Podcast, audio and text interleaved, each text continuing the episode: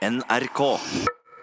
I dag er det 150 år siden Norges største billedhugger Gustav Vigeland ble født. Eh, de fleste av oss kjenner jo Frognerparken og Vigeland-anlegget der. Den er altså en av Norges største turistattraksjoner. Men på Vigeland-museet feires jubileet med en utstilling. Nå jobber vi med å få på plass eh, skulpturene til utstillingen. Vigeland sine arbeider er stort sett på plass. Guri Skuggen, som er kunsthistoriker og prosjektleder for Gustav Vigeland-jubileet, pakker ut skulpturer til den store jubileumsutstillingen som åpner i dag. 150 år etter billedhoggerens fødsel.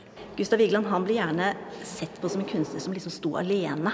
Eh, han hadde ingen elever, han var ikke elev av noen, og holdt seg jo stort sett for seg selv, i hvert fall sent i livet.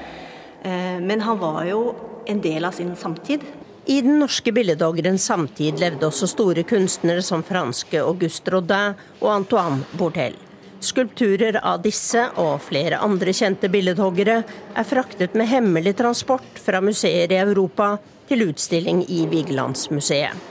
Jarle Strømodden er direktør ved museet. Nettopp det med jubileumsutstillingen, når vi lager paralleller, Gustav Vigeland og hans samtidige, så kan publikum få se på hvilken måte Vigeland jobbet. Altså hvor mye han var en del av strømningene.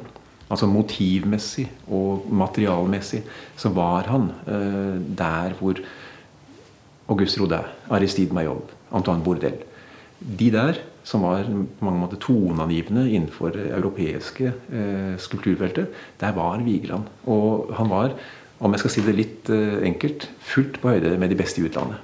Men innrømmet han egentlig påvirkning? Motvillig. Nei, han, eh, han, hadde jo, Det er ikke noen grunn til å legge skjul på at han hadde et stort ego. Men man kan vel tenke seg at han aller helst ville si at han kan si, sulla av eget bryst. Men at Vigeland var en arbeidsnarkoman, er hevet over tvil. Altså, etter at han flyttet opp her på Frogner og fikk atelier her, eh, og begynte å liksom konsentrere seg om skulpturen i Vigelandsparken, eh, så holdt han seg jo mest for seg selv. Da var det bare arbeid. Så det var jo det han brant for hele livet, fra han eh, debuterte i 1889 på Høstutstillingen, 20 eh, år gammel, og til han døde i 1943. Så var det på en måte kunsten som var det viktigste for han. Og som person var han nokså sammensatt, forteller Guri Skuggen. Altså Det inntrykket man får da, når man leser hans brev eller også andres, andre menneskers uttalelser om Vigeland, så får man inntrykk av en person som kunne være veldig varm, men så kunne han også være veldig kald og hard. Så f.eks. så eh, mistet han jo kontakten med nesten alle venner i løpet av livet. Så var, han hadde nesten ingen som han beholdt til sin død. Og det var jo gjerne fordi han, han var veldig nærtagen. Så hvis noen eh, fornærmet han, så var det liksom brudd. Da var det ingen vei tilbake. Det sa kunsthistoriker Guri Skuggen. Reporter her, det var Tone Staude. Trine Otebakk Nilsen, velkommen til Nyhetsmorgen. Takk, takk. Du er kurator ved Munch-museet, men har tidligere vært kurator ved Vigelandmuseet i flere år. Mange av oss har jo vært i Frognerparken i Oslo, kjenner Vigelands skulpturer derfra, men han debuterte altså på Høstutstillingen, 20 år gammel, som vi hørte. Og hva var det som karakteriserte de tidlige arbeidene hans? Ja, De skiller seg veldig fra de vi kjenner best i parken. Dette er slanke figurer med en detaljrikdom som er en annen. Uh, han er mer ekspressiv, og du ser på en måte hendene hans på en tydeligere måte i hvordan han har modellert figurene. Dette er jo også en tid, altså han er en, en mer større del av sin samtid og de kunstneriske strømningene som var på 1890-tallet.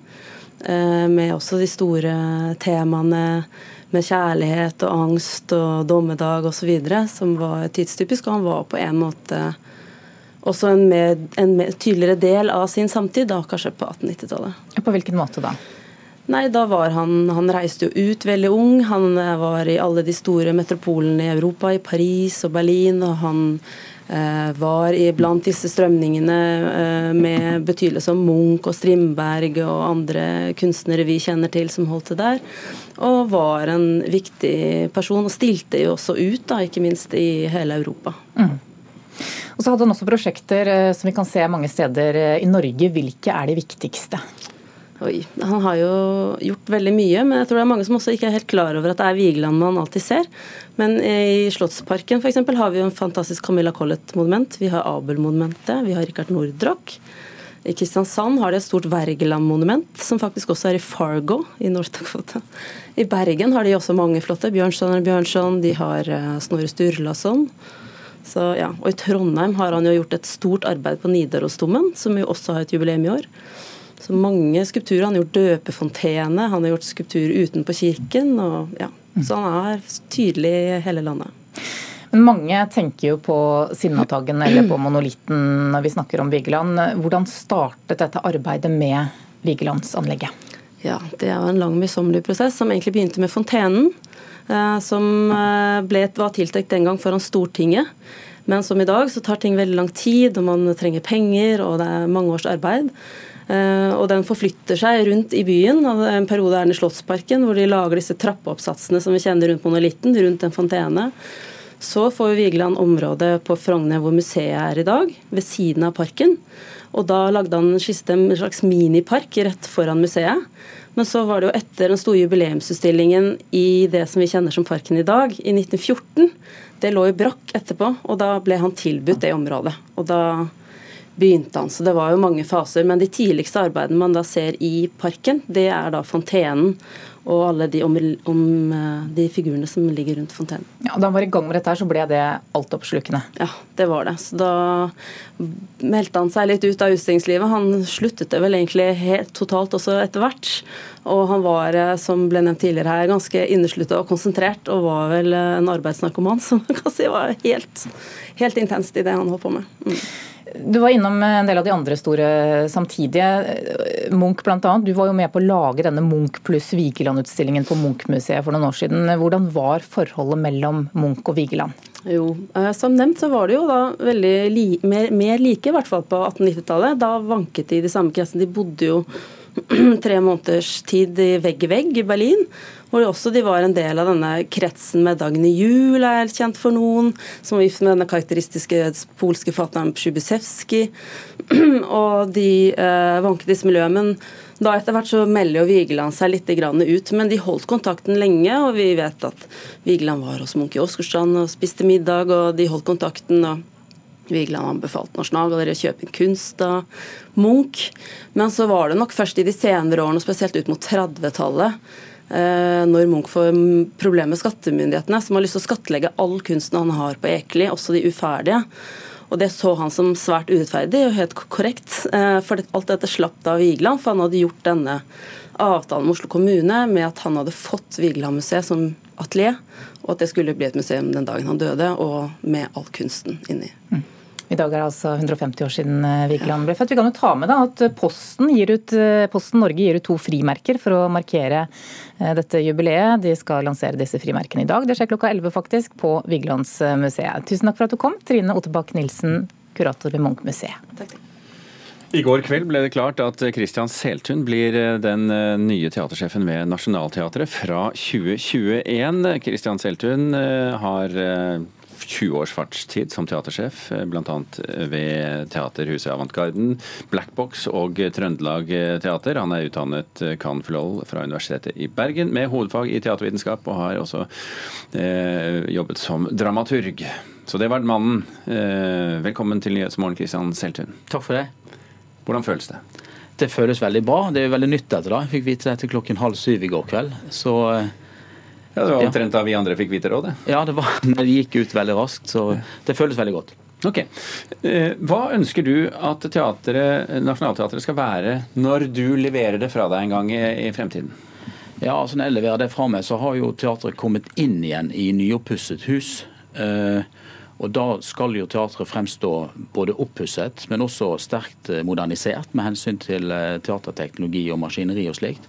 Og Jeg håper at eh, teatret da også kan eh, skilte med et større produksjonsvolum enn man har i dag. Det er også en av eh, de tingene man ønsker å få gjort noe med når man pusser opp og moderniserer.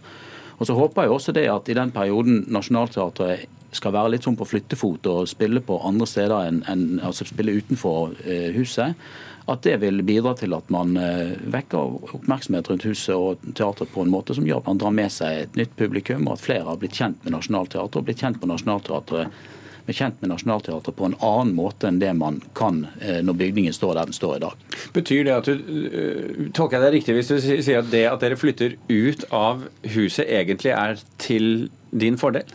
Ja, på sett og vis er det det. Og jeg tenker at det er en stor mulighet som man må benytte seg fullt ut av. Eh, vi er veldig avhengige nå fremover av å få på plass et eh, godt eh, visnings- og produksjonsvolum, publikumsvolum utenfor huset som er så stabilt som mulig. Men det gir også muligheter for å se for seg at man kan spille på mer uventede steder og finne på finne på ting i formater som er annerledes enn det man har gjort når man har vært hjemme. Så det er først og fremst et stort mulighetsrom, absolutt. Og det er jo ikke til å komme bort fra at Snittalderen på publikum ved Nationaltheatret er ganske høy. Eh, er det et mål for deg å få den ned? Ja, det er det for enhver teatersjef, tror jeg. Eh, jeg har hatt ganske god erfaring med det i Trondheim.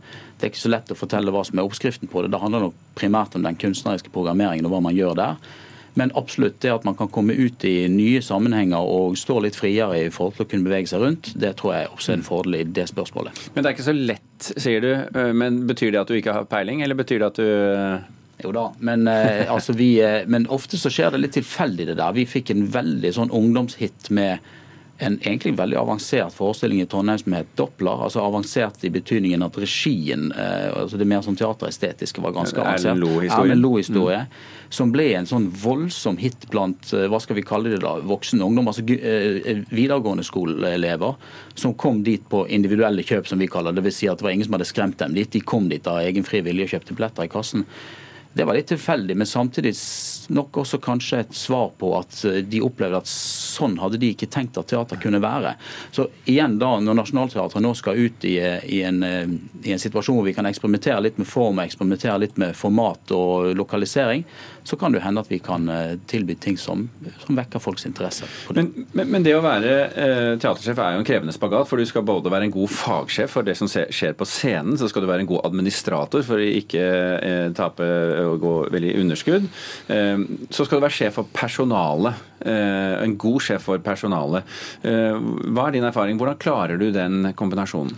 Altså En teatersjef sitter jo egentlig først og fremst i spennet mellom dramaturgiat og økonomi, plan, produksjon. Så er det jo veldig mange som jobber med mange administrative oppgaver på et så stort teater som Nationaltheatret og for så vidt også Trøndelag Teater, som jeg har erfaring med. Så det, der ligger jobben. Så kan du si at eh, jeg er opptatt av at man har gode strukturer rundt, rundt det administrative arbeidet til teatersjefen. Sånn at ikke den spagaten blir en spagat, men at det faktisk blir et arbeidsrom. Mm. Tror du du klarer det? Ja, det tror jeg jeg skal klare. Ok, Gleder du deg? Jeg gleder meg veldig. Ja, ok. 2021 altså. Da får Nationaltheatret ny sjef. Vi snakker med herr Christian Seltun. Takk for at du var med oss her i Nyhetsmorgen. Selv takk. Nå skal vi snakke om eh, en som er halvt demon og halvt menneske, nemlig Hellboy. I morgen har filmen med samme navn premiere på norske kinoer. Hellboy er en populær tegneseriefigur som er blitt filmatisert eh, to ganger tidligere, men regissør Neil Marshall har likevel startet helt på nytt. Sorry, my bad. Etter Guillermo del Toros to solide Hellboy-filmer på 2000-tallet, var det ikke uten en viss skepsis jeg gikk til Neil Marshalls nye versjon, som starter figuren og universet helt på nytt.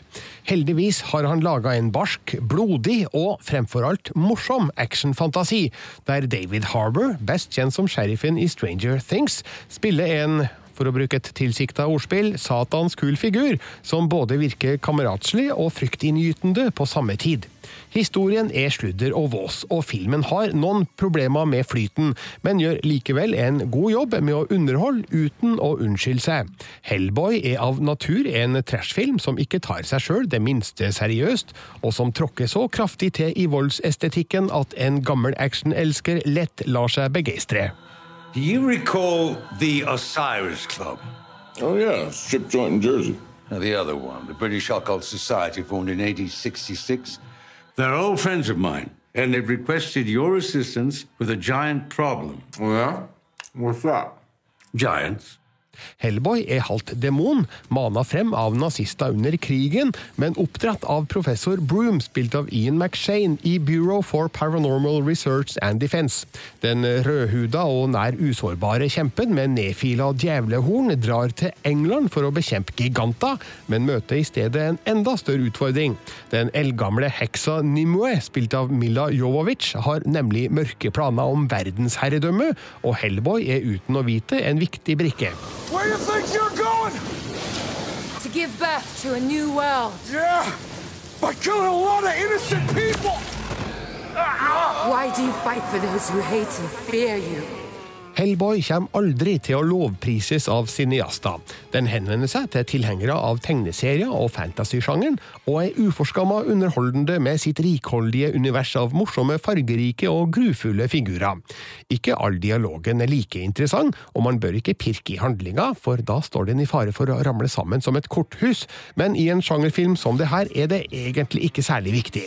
Det her er voldsforherligende tegneserieunderholdning som kun eksisterer for å underholde, og gjør samtidig ære på kildematerialet. Hellboy er kanskje ingen Oscar-kandidat, men fungerer utmerket på sine premisser. Sjøl med visse innvendinger er det lett å gi filmen en klar anbefaling. Jeg ser den gjerne igjen når som helst, og jeg skal ha popkornbøtta klar. Does it do anything special? Yeah. It smashes things real good. Terningkast fire. Ja, og filmen ble anmeldt av Birger Vestmo. Hellboy har norgespremiere i morgen.